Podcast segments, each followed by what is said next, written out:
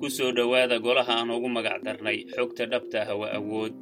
Xog la helyaaba tale la hel. Magacaygu waa jacfar axmed maxamed. Bismillaah qaybtan waxaan baraarujinaynaa arrin aada muhiim u ah oo waalid kasta inuu ogaado ay tahay. Arrintaas waxa weeyaan waa ficilo ama falal haddii aan samayno oynu caadaysano ubadkeenna difaaca jidhkooda adkaynaya xoojinaya fahanka iyo fiiradana u furaysa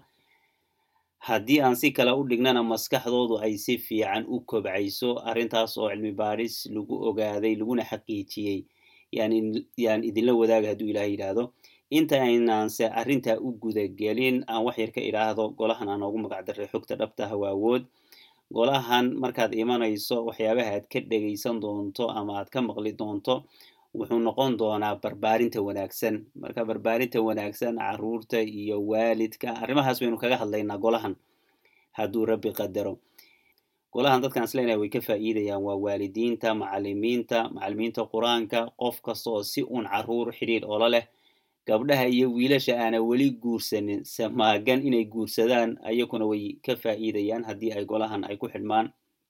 barbaarinta wanaagsan markaan golahan aan kaga hadlayno waxyaabaha aan baadi goobayno ama aan waalidka ugu yeedhayno ma aha in inaan noqono waalidiin dhammaystiran. Dhammaystirkaasu mid aan maaragtay aan baraarujinayna ma aha laa yukallifu allahu nafsan ilaa wuscaha marka waxyaabahaan baraarujinayno waxyaaba aynu awoodno karno caruurteenna u fiican caafimaadkooda u fiican mustaqbalkooda u fiican sababaya innakiyo ubadkeenu inaynu xidhiidh wanaagsan oo hoose oo adag inaynu yeelano arrimahaas weynu markaa golahan aynu ku baraarujinaynaa haddii uu ilaahay yidhaahdo. Ogaanshuhuna saan ognahayna waa shay qaali ah. Markii ogaanshaha laga hadlayo shay markaad og tahay qiimihiisa markaas baad yuu shaygu kula weynaadaa. Ogaanshaha markii laga hadlayo waxaan haddaan maskaxdeeda ku soo dhacday qiso cajiib ah oo dowlad deegaanka soomaalida ka dhacdo yaraan saaxiibanahay uu iga sheekeeyey wuxuu sheegay islaan haweeney meel maqaaxi ku shidanaysa yaa afarta dhardhaar ay maqaaxida ku shidaysay mid ka mid ah dhagaxyaanta mid ka mid ah yaa macdan ahaa. Marka wuxuu yidhi mid indha yar oo meesha maqaaxida oo jooga oo birtan watay birahan maaragta macdanta lagu baadho una daaran tahay iyo birta shanqadhe oo shanqadhii iyo haddii uu raacay iyo signaalkii waxay maaragtay la gashay afartan dhagax ay hooyadanu ama islaanta haweeneydu ay dabka ku shidaysay markaasuu yidhi dhagax yaantan mid isi. Markaas ay ku tiraada bu yirahda war dhagaxan kuma siinay maxaad ka rabtaa? May lacag baan kuu jooga lacag baan ku siinaya lacag buu sheego ma rabo oo uu u kordhiyo oo ma rabo oo adu kuwo meelaha wuxuu yidhi haday ka agdha dhawaa oo meesha jooga oo islaanta ninka ay wada joogaan garanaya yaa markiiba kii ninkiiba isku sii daayeen oo dheh waryaa war islaantii afartii dhardhaar ay dabka ku shidaysay maqaaxida ma garanaysa. Haa mid ka mid aha lacag loo jooga islaantiina waa diidan tahay bal or islaanta la soo hadal. Ninki wuu soo daayey waa u yimaaday arrinta la sheegaysa maxaa ka jira oo ma afartan dhardhaar ma dhagax ma mid ma lacag baa lainoo jooga haa oo ninkan baa raba oo ma ninka maad inooga iibisid markaas bay ku tira war maxaan oga iibin waan haysan wuxuu ku arkay baan anna ku arkay waan haysanaya so islaanta garo oo waxaa gashay lexjaclaa gashay. Marka waxay tiri ninkan indha yeertaa waxa uu ku arkay dhagaxan baanaanba maaragtay ku haysanaya. Adigu islaan iyo maaragtay iyo ninkii waxa weeyaan wuxuu kolba dhinac ka soo marayba markii dambe way ka iibiyeen marka almuhim ogaanshuhu marka waa shay qaali. Haddii ay ogaan lahaayeen dhagaxaasu qiimihiisa ama macdanta uu yahay nooca uu yahay iyo hadday ogaan lahaayeen laa shakka go'aanka ay qaateen go'aan ka duwan baa laga yaaba inay qaadan lahaayeen oo ayna lacag yar marka ayna ayna ku iibsanin. Marka almuhim waxyaabaha aynu golahan aynu baraarujinayno waxa weeyaan waa ogaansho la xidhiidha barbaarinta wanaagsan barbaarinta ubadka markii laga hadlayo in badan oo ininka idinka mid ah oo idhegay hore iisoo dhegaysatay hadda i dhegaysanaysa ama i dhegaysan doonta ininka iga badiya xagga khibradda markii la dhaho maxaa yeelay anigu laba ilmood baa ii joogto ilmahayga ugu roon uu saddex sana saddex sana ilmahayga ugu roon jiraa. Marka marba marka ka dambaysa yaa waalidnimada iyo hawsheeda iyo shaqadeeda aan aan baranaya. Mar hadday saas tahay haddaba oy khibradaydu ay saa u gaaban tahay nuurkan aan raba inaan idinla wadaago meelo badan buu markaa ka imanaya. Nuurkan wuxuu ka imanayaa labadii waalid ay soo barbaarisay allah u naxariisto. Waalidiinteenna inta nool iyo inta dhimataba allah u naxariisto.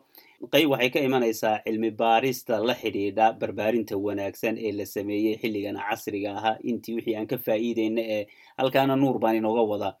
qayb kaleetana waxa weeyaan shaqada aan ka shaqeeya waxay fursad ii siisay in aan la kulmo waalidiin iyo carruur aad u fara badan oo waddamo kala duwan ka yimaaday adduunka dacaladiisa ka yimaaday qof kastoo bilo aadmahood la kulanta adduunka meeshuu dooniba ha ka yimaadee? Waxa weeyaan wuxuunbaad ka baran haddii aad tahay marka qof u furan inuu wax barto oo waxa weya waxyaaba badan baad ka baranaysaa noocii dooni hanto marka arrimo barbaarinta la xidhiidha dadka ayakana aan la kulmay waalidiintaas iyo carruurtaas nuur baan idinka sidaa oo waxyaabahan halkan idinkula wadaagi doono yay noqon doonta hadduu ilaahay yidhaahdo. Qaybo kale waxay ka imanaysaa aniga waxbarashadaydoo howlahan beryihii dambe aad baan u daneeyey oo wakti baan geliyey markaa jaamacad baan u aaday ayadana meelahaas waxyaabihii aan ka soo kororsanay halkaasna nuur baan ayadana idinka wadaa oo raba inaan idinla wadaago hadduu ilaahay yidhaahdo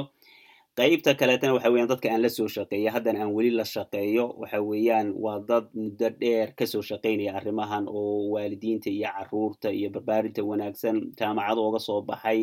ku shaqeeyey barkood carruurtay carruurta haystaan baa iga waaweyn carruur waaweyn baa haystaan barkoodna carruurtay dhaleen baaba carruur sii dhalay muddona ku shaqaynaya marka dadka khibradda lehna mar haddii aad ka agdhowdahay ood la fadhiisata ayakana waxyaaba badan yaa kaaga bixiya halka ayadana nuur baan inooga sidaa. Dhan kaleetana waxa weeyaan oo weliba nuur weyn asna ahaa shaqadeeda qayb ka mid a waxaan bixiyaa koorse loogu magac daro koorsada waalidiinta. Marka waddankan sweden hadda aan joogo waxaa jira koorsooyin degmo kasta. Waxa weeyaan qofku waalidku wuxuu dalban karaa koorsooyinka noocaas oo kaleeta marka badana waxaa bixiya dad waxaan tacliintooda leh soo bartay ku soo shaqeeya khibrad u leh oo markaa waalidiinta talooyin iyo farsamooyin siiya oo aqoon kororsi asaas ah yaa waddankan sweden ka jira oo degmo kasta. Inkastoo dadka soomaaliduhu ayna aada uga faa'iideysanin laakiin alxamdulilah degmadan aan deganahay dad badan baa maaragtay yaa koorsada ka faa'iideystay koorsadaasuna sabab la'aan oo ma jirto lacago badan bay ku bixiyaan. Sababta waxa weeyaan waddankan sweden ma qaadi ma qaadi karo mana xamili karo dad badan oo nolosha ka dhacay. Leanna waxa weeyaan systemkooda wuxuu ku salaysan yahay inay dadku shaqeeyaan oy oy bixiyaan canshuur ay bixiyaan iskuulaadkoodu waa bilaash waxbarashadooda jaamacaddu waa bilaash dhakhtarkii waa bilaash qofku haddii uuna shaqaynaynin waxa weeyaan noloshiisu helayaa dadka waaweyn waxa weeyaan noloshooda helayaan waxyaabahaas oo dhan oona tiro lahayn dadkaas waxa weeyaan dadka masruufaya inta markaa awoodda haysta ee xoogga haysa yaa masruufta inta jilicsan ama xanuunsanaysa ama yar yarkee markaa waxbarashada dhiganaysa carruurta yarara marka systemkuna su u shaqeeyo waa in ay dadku intooda ugu badan waa inay caafimaad qabaan oo maaragta ayna nolosha ka dhicin. Marka waxbarashadan bay inta badan ku dadaalaan oo un ah ka hortag inay waalidiinta maaragta ay carruurta ay ogaadaan ay ka warhayaan saas oo kaleeto. Marka almuhim qaybtaasna waxa weeyaan nuur adag baan inooga sidaada maxaa yeelay koorsada aan qaadanayna waalidiinta waalidiin badan oo qiyaas hadda shan sano iyo socotaaba waalidiin badan oo soomaali ah yaa yaa qaatay. Marka waalidiintaasu cashirada marka ay markay ay ay ay cashirada aan qaadano guryaha lagu soo tijaabinayo isbuuca dambe markaan sun nimaadno waxyaabihii aan ku sheekaysanay yaa guriga lagu soo tijaabin marka markii guriga lagu soo tijaabiya markii subuuca dambe almuhim la yimaado waalidku wixii u shaqeeyey waxaan u shaqaynin baa la isweydaarsanaya khibradda ani arrintan way ii shaqaysa arrintaas way ii shaqaysay waxa weeyaan khibrad aana caa-innaba aana caadi ahayn. Marka arrintaasuna dad waalidiin fara badan baa ka mahad sheegtay carruurtoodu xidhiirkooda ay wanaagsanaatay waxyaaba badan ay sheegeen inayna awal ayna ku baraarugsanayn ay ku baraarugeen anigu laftirkaygu waxaan xaqiijinaya hadda waxaan qiyaasaya waalidiinta qayb ka mid ah way dhegaysanaysaa markii aan ku dabakay arrintaas cashiradii aan qaadanaynay carruurtayda haba yaryaraadaan saddex sano ilmahaygu ugu run haba jiro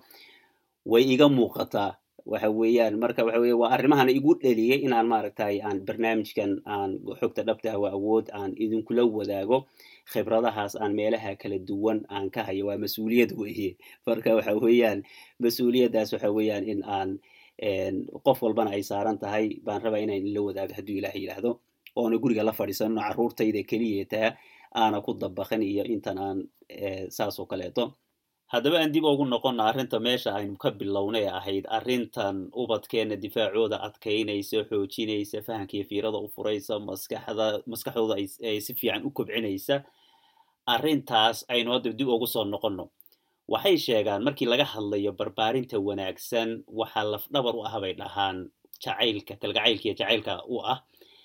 jacaylka iyo galgacaylkan ubadkeenna u qabnana laba arrimood baa lagu tusi karaa ama aan ku tusi karnaa. Mid waxa weeyaan waynu naqaanaa waa midan waa cuntada iyo waxay xidhanayaan waxay cabayaan iyo meesha ay seexanayaan iyo nadaafadooda iyo waa intan muuqata. Waxa weeyaan waa hab aynu carruurteena jacaylka aynu aynu ugu muujino ku tusno haddaba waxaa jirta qayb kaleeto aada muhiim u ah oo saameyn weyn ku yeelata ilmaha caafimaadkooda maskaxiyan iyo badaniyanba saameyn aad u weyn ku yeelata. Arrintaas haddaba waxay la xidhiidhaa dareenkan gudahay la xidhiidhaa inaynoo muuqanin. Marka waxay sheegaan markay ka hadlayaan ii sheega waxay dhahaan saddex dareenka markii laga hadlayo waxay sheegaan lix dareen oo aasaasiha jiray dhahaan. Farxadda murugada xanaaqa cabsida ceebta nifi kanheyd kelmadda swedish baan ku idhaahdaa xiiso inta badan dadka soomaaliyaan ku turjurnaa yaraa saaxiibana waddankan sweden la jooga intuu ila soo hadlabi oo niyo kelmadda nifi kanheyd af soomaali maxay ku noqonaysaa labada nooduba dee kelmaddu waxa weeyaan macnaheeda waan fahansannahay laakiin ooma hayna eray aan maaragtay soomaali ah oo maarata saas maanaan hayn. Hadda qofkii u garanayana insha allah waxa weeyaan wuu ila wadaagi karaa. Haddaba dareenkan lixaad hadda ana swedishka ku sheegan xiisaha kelmadda ugu dhow ay tahay waxaan u baahanaa inaan sharaxno waxay noqon kartaa inta badan waxaa garanaya dadka waalidiinta ama carruurta si un oola shaqeeyey. Way way fahmayaan hadda markay aan sharaxno. Waxa weeyaan xilli ama da ay carruurta ay ku jirto markay yaryar yihiin oo ay su'aalo badan yihiin. Shaygan muxuu ahaa kan muxuu ahaa kan maxaa laga sameeyey? Marka aad mar socotaan waxa weeyaan ama guriga aad joogtaan ama banaanka aad wada socotaan ilmaha kun su'aalood buu ku weydiinaya su'aalo ciida camaareyd ah yuu maanta o dhan maaragta ku weydiinaya waxaan xusuustaa ii sheegeen xilliyadii aan waddankii joogay dowladdeeganka soomaalida aan joogay baa satay ardaaga intii la soo fariiso gogosha la soo dhigto. Aad maaragtay dhabar dhabar u seexato kor fiirso cirka aad fiirso quruxdiisa oo gudcur iyo xidigahaas iyo arrimahaas maaragtay aad u qurux badan. Yaa ku yar oo waddankii markaan joogno oo da'daa uun da'daa yare su'aalaha badan xilligaa ku jiray iyo aabihii baa wuxuu weydiiyey su'aalo fara badan. Kan muxuu ah kan maxaa laga sameeyey? Xidigan xidigahan yaa sameeyey ilaahay baa sameeyey. Kan kale yaa sameeyey ilaahay baa sameeyey. Dayax yaa sameeyey ilaahay baa sameeyey. Markii dambe su'aal weydiiyo wuxuu yidhi ilaahay yaa sameeyey. Wadaadkii sheekhu waa xanaaqo markiibuu kula boodo ilmihii waxa weye annakii baa argagaxnima siduu u xanaaqay iyo maaragta ilmihiina wuu naxay. Adugu markii dambe ilmuhu wuu aamusay shib buu yidhaahday. Hadalba waa laga waayay ilmihii su'aasha badnaa ee walba maaragtay su'aalayay wuuba aamusayba juuqdiiba uu gabay waa ii yimid oo waxa weeyaan dhib baa jiro oo aabbe aad u fiican buu ahaa oo dhib baa jiro uu ka welwelay oo wuu arkay inay wax khaldan yihiin oo maaragtay arrintu ay maaragtay arrin khatar ay tahay. Wuxuu yidhi ilmihii waa aamusay su'aalihii badnaa malaha talo maxaan samayna. Ma aqaano kolley hawshaasay ku xalantay laakiin aabbe wanaagsan oo ka welwelayuu ahaa laakiin waxaan xusuustaa ilmahaas inuu aamusnaa oo su'aalihii badnaa uuna lahayn. Haddaba dareemada ilaahay nagu beeray inaan aqoon u yeelanno oon aynu barno waxaan is leeyahay waa faa'iidooyin waaweyn baan qabnaa. Haddii aan ku guulaysana arrintaas maxaa yeele hadda dareenkan aan ka sheekayna waxa weeyaan hadda aan sheegayna ee su'aalaha ilmuhu uu ku weydiinaya oo kaleeto culuumtan hadda casriga iyo waxyaabahan oo dhan cilmi kasta su'aalunbuu ka bilaabmaa. Dadkan lagu leeyahay waxbay heleen iyo waxbuu kan sameeyey su'aal bay isweydiiyaan waa marka hore su'aal baa la su'aashaasoo marka waxaad raadinaysaa yaad xalinaysaa oo waxaad u raadinaysaa su'aashaas jawaabti baad u raadinaysaa marka su'aalahaas waxa weeyaan carruurta halkan waddankan aan joogo aad waxan way barteen oo way og yihiin oo way yaqaanaan marka carruurta way dhiiri geliyaan waxyaabahan la yaaba waxaa ka mid a waddankan sweden xiliyada aan ku cusbo markaan tareenka tareen aan raaco saddex saacadood soconaya. Waxaad waxaad arkaysaa ilmo yaro intaa hadlaya saddexdaa saacadood oo wax weydiinaya kan muxuu ahaa maxay ahaa oo qofkan la fadhiyo ee waalidka u ah iyo dadkan u jawaabayaan oo leeyo naf adagka su'aal kasta oo ilmaha u weydiiyo waa looga jawaabay waxayna garanayno waxay leeyihiin ma garanayno qof kalaan soo weydiinaynaa arrintanu arrin sahlan ma aha marka ilmahan waxyaabaha maaragtay waxay fahmeen dareemadan waxay yihiin xiliyadan iskuulaadka aan ka shaqaynayena waxyaabihii aan la yaabanaa bay ka mid ahayd markaa iskuulka ku cusbaa shaqadayda waxa weeyaan macalimiinta iyo carruurta iyo waxyaabaha ay kala hadlayaan ciyaalka yararka dareemadan iyo lixdan dareen iyo dareenkiin waa inaad dareemadiin cadhadiin aad hanataan waa inaad kan samaysaan. Arrintii guryihii baa lagaga hadlayaa iskuulkii carruurtii baa loogu sheegayaa waddankana sideedaba caadigaba waxa weeyaan dadkan in ay carruurta waxaa lagu tarbiyadeeya ama ayba dhahaanba hadda dadkan maaragta dareenkooda markay cadhoodaan iyo hanta oo kaleeto ilbaxnimay la xidhiiriyaan marka qofku hadduu dareenkiisa cadhadiisa u hanto waxa waa qof ilbaxa. Haddii una cadhadiisa una hanan karin qofkaas qof ilbaxa ma aha. Marka hal marka waxa weeyaan heerkaas bay gaarsiiyeen. Ma xikmad inaga dhuntaba innaka haddii aynu aynu wada hadallo soomaali ahaan maya waa xikmad maaragtay la inoo sheegay laakiin aan garan weynay oo maaragtay aad ka helayso qur'aankeena oo kaleeto haddii aan hadda dareenkan cabs dareenkan xanaaq ah aynu aynu haddaynu dareenka cadhada ah sida maarata cadhada maaragtay loo hanto haddaynu ka hadalno waxaynu ugu tegaynaa suuratu aali cimraan aayad waxaa jirta ka bilaabata aladiina yunfiquuna. Marka aayaddaas hooriskeedu waxay tidhaahdaa waalkaadimiina algayda waalcaafiina can innaas wallahu yuxibu lmuxsiniin derejadan dambe labadan dambe ee maaragtay cafinta iyo dadka muxsiniinta waxa weeyaan waa level kaleeto dad yar unba horta ku sugan. Laakiin haddaan aayaddan ku soo noqonno oo cajaa'ib qabta aayadda ka horeysana cajaa'ib bay qabtaa ta ka dambaysana cajaa'ib bay qabtaa. Ta ka horeysa waxa weeyaan wasaaricuu ilaa makfirati min rabbikum bay ka bilaabataa. Ta kaleeta ee ka dambaysana waxa weeyaan ayadana aayaddaas aayadda ka dambaysana cajaa'ib weeye waaladiina idaa facaluu faaxishatan aw dalamuu anfusahum bay leedahay. Marka labada aayadood bay u dhaxaysaa. Marka almuhim halkan waxaan baraarujinaya waxa weeyaan aayaddan haddaba waxaa la inoogu sheegayaa cadhada sida maaragtay inay la hanto wanaagga iyo hawsha ay leedahay lainoogu sheegay. Haddaba markii arrinta lainoo sii sharxayey yaa waxaa lainoo tusiye tusaale ilaa waa inaad qof aad ku dayato oo wixii sameeye waa inuu jiro soo maaha. Markii lagu tilmaamayo tusaalahana waxaad ugu tegaysaa waxaan ugu tegaynaa suuratu yuusuf. Qisadan aan hadda wada garanayna qisada kama wada sheekaynaya ee nabadina yuusuf ay walaaladii intay ceelka ku rideen ku jiray laga soo qaaday rafaad iyo mar aduu bacda rafaad markii dambe uu maaragtay uu qof oo uu awood leh oo maaragtay noloshiisa adduunya ay isku qoofalan tahay oo maamuus iyo magaci leh uu ilaahay maaragtay martabadaa la gaarsiiyey intay u yimaadeen ba iyagoona garanayninba waxay ku dhaheen walaalkooda ceelka ku riday tuug baa tahay. Nebi yuusuf hortaagan ay ku dhaheen tuug baa tahay. Bal ka warran maaragtay qof intuu maaragtay dhibaatooyin kugu soo sameeyey haddana kugu yidhahay tuug baa tahay. Nebi yuusuf awood buu leeyahay waa ka aargoosan karaa. Awood buu haystaa laakiin waa arrintaas muuna samayn. Waa la inooga warramay markaas. Fa asarahaa yuusufu fii nafsihi walam yubdiha lahum qaala antum sharu makaana wallahu aclamu bima yasifuun mise bima tasifuun bay ahayd wallahu aclamu bima tasifuun weye marka marka halkaas marka muxuu ku buuxiyey markii aynu ka hadlayna hadda dareenkan cadhada ahaa haddii aynu tilmaano muxuu buuxiyey derajaday cadhada inuu hantay laakiin haddana waxaa laynoo sheegay inuu cafiyey oo wuxuu ku leeyahay in walaaladiisa u geliyey oo muuna cadhadiisa keliyata hananine wuu cafiyey oo muxuu ku yidhahday laa tathriba calaykum alyawm yakfir allahu lakum wahuwa wahuwa arxamu raaximiin marka uu ilaahay u duceeyeyba marka ducuba u raaciyeyba. Marka hawshan iyo tarbiyadan hadda dareenka layna barayo meesha laynoogu sheegay bal fiiri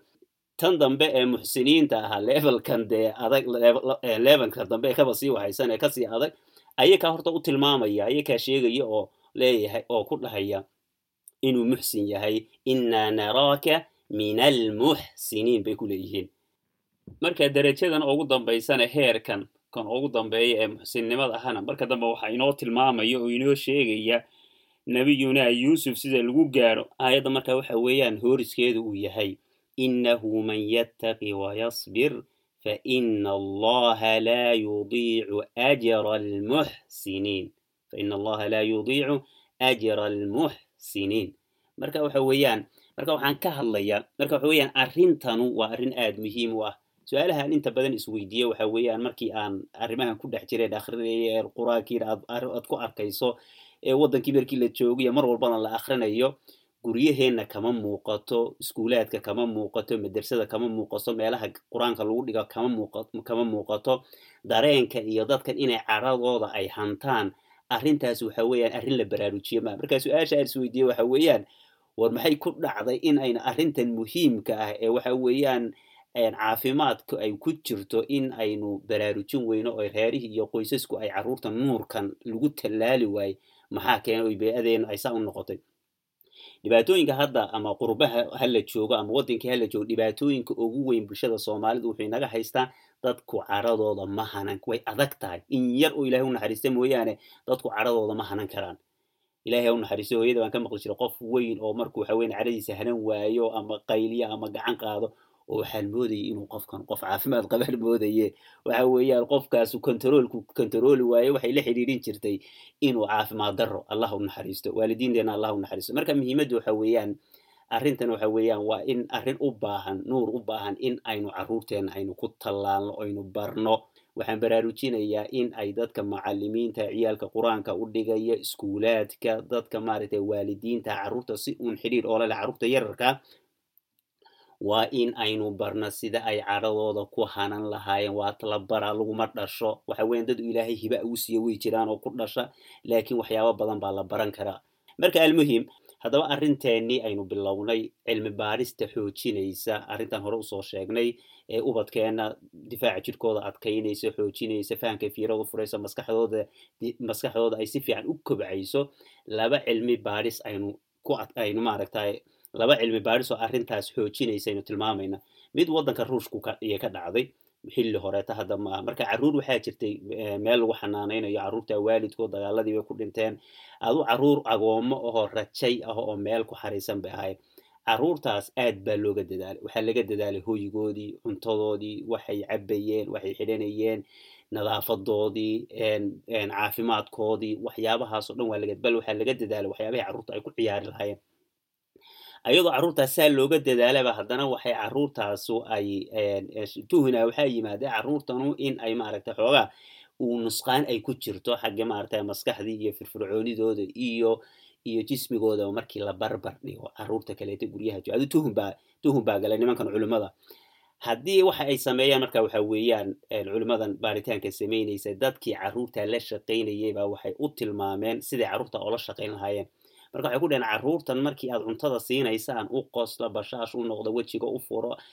soo dhowaysta oo la hadlo oo la sheekaysta oo u naxariista oo waalidiinta wanaagsan carruurtooda guryaha sida ay ugu barbaariyaan guryaha ay ay ugu barbaariyaan waalidkood la jooga saasoo kaleeto maaragtay carruurtan loola dhaqmo oo waalidkood oo kaleeto kaanama inaad tihidiin oo kaleeto saas oola dhaqma. Ayay ku shaqaalay ahaayeen ee samcan wataaca weeye arrintii bay sameeyeen. Sagaal bilood ka bacdi arrin cajaa'ib leh. Markii yaa dhacday marka markii culimmadii ay dib ay u fiirisay isbeddelkii arrimo cajaa'ibaa u soo baxay. Midda koowaad carruurtan fahamkoodii iyo fiiradu waa u furanto iskuulkii iyo waxbarashadoodii waa wanaagsanaatay. Firfircooni iyo ayaka isdhexgalkooduna waxa weyan carruur waxay noqdeen firfircoon oo maaragtay dhexgalkoodii uu wanaagsanaaday hadday awal ahaayeen dee ciyaal iska yaraha gorrasayo oo uu iska densan oo khadka uu ka maqan yahay haddii awal sa ahaayeen carruur firfircoon oo isdhexgalkoodii iyo bulshadii iyo dadkii kaleeta iyo waxyaabahan hareerada ka dhacay xiisaynaya oo nashaad iyo uu firfircooni ka muuqday noqdeen. Arrinta kale cajaa'ibka ah ee dhacday waxaa ka mid ah itaal ahaan bay carruurtii u koreen miisaankoodiina wuu ku darsamay. Marka miisaankooda aan leeyahay hadda wuu ku darsamay. Miisaan fiican oo macquul ah ku darsamay. Hadda culayskan iyo buuridan iyo maaragta ilmahan yaraha shilis iyo waxyaabahaasi way la dagaalamaan waxa weyan dagaal adag bay kula jiraano waata waddamada reer galbeedku in ordaysa in jiim aadaysa iyo in maaragtay isdhibaysa oo maaragta waxaas dhibkaasoo dhan waxaa lagula dagaalamayaa maaragtay jidhka iyo iyo baruurta lagula dagaalamaya. Marka taas ma marka waxa weye miisaanka ku kordhay waa miisaan macquul ah marka carruurtan markii la barbar dhigay markii horeeta carruurta markii la barbar dhigay carruurta guryahooda waalidiinta ay ku haystaan itaal ahaan way ka gaabnaayeen jismi ahaanna way ka maaragtay jismi ahaanna way ka yaraayeen carruur iska hagaas ay ahaayeen. Marka markan itaalkoodii iyo iyo iyo iyo iyo culayskooda ama maaragtay wuu koray oo si normaal oo markii loo fiiriya carruurta kaleeta ee guryahooda jooga sidaas oo kaleeta bay carruurtan miisaankoodii itaalkoodii maaragtay u wanaagsanaaday marka arrintaasu cajaa'ibka waxaa ka dhigay waxa weyan arrintaas haddaba haddaba waxaa muhiima inaan ogaano carruurtan wax isbeddel ah laguma sameynin cuntaday cunayeen daryeelkii caafimaadkooda hooyigooda waxyaabahaasoo dhan waxba lagama bedelin. Waxa wax laga bedelay waxa weeyaan keliyeetaha jacayl ayna haysanin awal unbaa hadda carruurtan la siiyey jacaylkaa ayna awal haysanin markii la siiyeyna waxay dhashay natiijadan bay dhashay markaas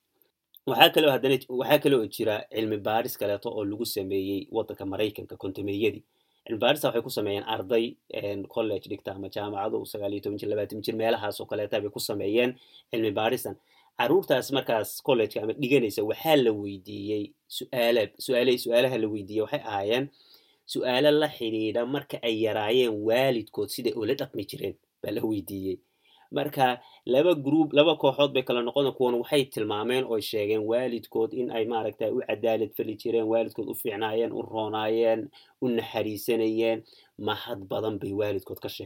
ka sheegteen groupba halkaas baray. Groupna waalidkood mayna ka mahad sheeganinoo waxa weeyaan daryeelkii iyo waxaan u baahnayn waalidkana maanan ka helin oo mayna maaragta ayna ka mahad sheeganin yaraantoodii markii ay waalidkood xilliga ay barbaarayeen haddaba su'aalaha la weydiiyey soddon iyo shan sane kadib yaa dib loogu soo noqday dadkii haddaba dadkii oo dadkan waaweyn ah markaas soddon iyo shan sane kadib yaa maaragtay yay dib ugu yimaadeen su'aalihiibaa markaas yaa lagu raataagan yahay haddaba sidan bay kala noqdeen waxay kala noqdeen guruubkii yidhaahday annaku waalidkana kalgacayl iyo soo dhoweyn iyo nidaamkaas maanan ka helin eena ka mahad sheeganin waalidkood markay yaraayeen siddeetan boqolkiiba siddeetan iyo toddoba waxay noqdeen dad la xidhiidho xanuunaad maskaxiyan dheh oo maarata ama iyo badaniyan ah adugu nolol aynaan caruurteenna ama waalid kasta waalidku una caruurtiisa una la jeclayn in ay maraan bay mareen. Xanuun iyo bushi iyo xanuunno maskaxda ku dhaca jidhka ku dhaca iyo noloshooda oo maaragta iska kharibatay nidaam noocaas ayay gruub mareen gruubkan boqolkiiba siddeetan iyo toddobaan ku idhaahdo waxa weeyaan qiyaasi waa boqolkiiba sagaashan. Macnaha waxa weeyaan boqolkii ayaka ka mid ahaaba sagaashan ka mid aha nolosha khariban. Ayna maarata aynaan carruurteenna aynaan la jecleen nina una ilmihiisa la jecleen ubadkiisa yay mareen haddaba. Kuwii kaleete ee waalidkood ka mahad sheegtay boqolkiiba toddobaatan iyo shan baa markaa badbaado oo nolol farxad leh oo caafimaad leh oo maaragtay wanaagsan oo ta aynu carruurteenna la jecel leh waalidkasta la jecel yahay waddadaas bay mareen. Markaas labaatan iyo shan boqolkiiba yaa maaragtay gees ka martay. Haddaba waxaa muhiim ah inaan ogaano cilmi baaristan hadda aynu soo tilmaanay in ay jiraan mararka qaarkood waalidiin dadaalayo carruurtooda u taagan oo maaragtay haddana carruurtu sidii ay rabeen ayna noqonin oo waddo khalad ah ay qaadaan xanuunadaas nidaamka aan sheegayna ay ku dhici karaan in ay arrintaasun ay dhici karto inaan ogaano weye arrinta ugu muhiimsan waxa weeyaan cilmi baaristan iyo kuwo kaleeto oo fara badan oo kala duwan baa waxay tilmaamayaan waxyaaba isku mid ah in waalidka ilma ubadkiisa soo dhoweysta hoosta soo gashada ee maaragtay madaxa u salaaxa ee naxariista tusa in carruurtaasu ay markay waaweynaadaan ay ka badbaadaan intooda badan in ay ku dhacaan gaangister inay noqdaan darooga ay isticmaalaan khamrada ay iska badiyaan xanuuno badan oo maskaxda ku dhaca iyo badanka ku dhaca inay ka badbaadaan cilmi baaris kaleeto oo fara badan. Oo maaragtay labadan aana tilmaamo ahayn baa tilmaamaysa arrintaas. Oo sheegaya arrimahan aynu soo tilmaamnay inay tallaal ay oga noqonayso ubadkeenna. Marka arrintaas marka waxa weye inaynu sahlanno ma aha marka. Waataynu dhaqankeenna waynu ognahay carruurtu intay ina soo raadsadaan oo hoosta marka inaga soo galaan oo inagu soo dhowaadaan. Waataynu in badan aynu dhahno horta ilmahan warbarta xaggaa u durug. Ilmahan horta ciriiri jecela dhulkan ilaahay uu ballaariyay ardullaahi waasica unbu ilmahan hoosta kaa soo gari ilmo ka ciriiri jecel. Warbar halkaa xaggaa u durug ama aynu mararka qaarkood u tilmaano oo kalenu ku dhahno markuu ilmuhu saasoo kale inoogu soo dhawo horta maxaad horta isku kejijibisaa sidii neef geel ah oo geed ku xoqanaya unbaad isku kejijibisaa bal xaggaas halkaa fadhiiso. Ama ayagoo dhabtooda dhabteena raba inay fadhiistaan oo kaleeto inaan u tilmaano war horta waxaan ku weydiiyay dhabta unbaad ku haysa ilmahan dhabta kama weynaado soo ma weynaato horta marka arrimaha aynaan samaynin arrintaa markuu ilmaheenu ina soo dalbo ina soo aado waa inaan naxariis aynu tusno inaan xusuusanno weeye arrimahan aan ka soo sheekayna ilmahan inaad bayterigiisa u buuxinaysa jaajarku gashanaya marka. Jaajarku markaa ku gashanaya jaajarkaasna maxaad u buuxinaysaa waxaad u buuxinaysaa waxyaabo wanwanaagsan oo ilmaheena u fiican oo difaaca jirkiisa adkaynayo xoojinaya fahankii fiirada u furaya maskaxdiisa ilmaha si fiican u kobcaysa arrimaha inaynu maskaxda ku haysano oynaan kala bakaylin ilmaha inaynu maaragtahay aynu jaajarka aynu siino bayteriga aynu u buuxino marka ubadkeenna waynu jecel lahay arrimahana inaynu la jeclaano weye mar haddii ay dadkaa horeeta arrintan ay sameeyeen oo cilmi baarisan lagu ogaaday sabab aynu hadda wixii ka dambeeya ubadkeena aynu ogala bakaylo inayna jirin wey dadkeena waalidiinta inteena badan waan samaynaa intii samaysa ha sii xoojiso inta ka gaabisayna ayakuna maaragtay ha ku dadaalaan oo carruurtu markay inoo soo dhowaadaan carruurtu markay inoo soo dhowaadaan ilaahay hadduu kuusama ogol yahay aynan iska fogeynin oo mar walbayna arrinta aynu fursad u aragno qaybta intaas baan kaga baxaynaa. Intaanase ka bixin waxaan jeclaystay inaan kuwa hambaliyeeyo oon ku dhaho hambaliyo gacmo furanna ku soo dhowow golahan aan oogu magac darnay xogta dhabta hawa awood. Inta aynu ku kulmayno qaybta kaleeto waxaan idinku dhaafaya ama kugu dhaafaya sidaas iyo nabadgeliyo assalaamu calaykum waraxmatullahi wabarakaatu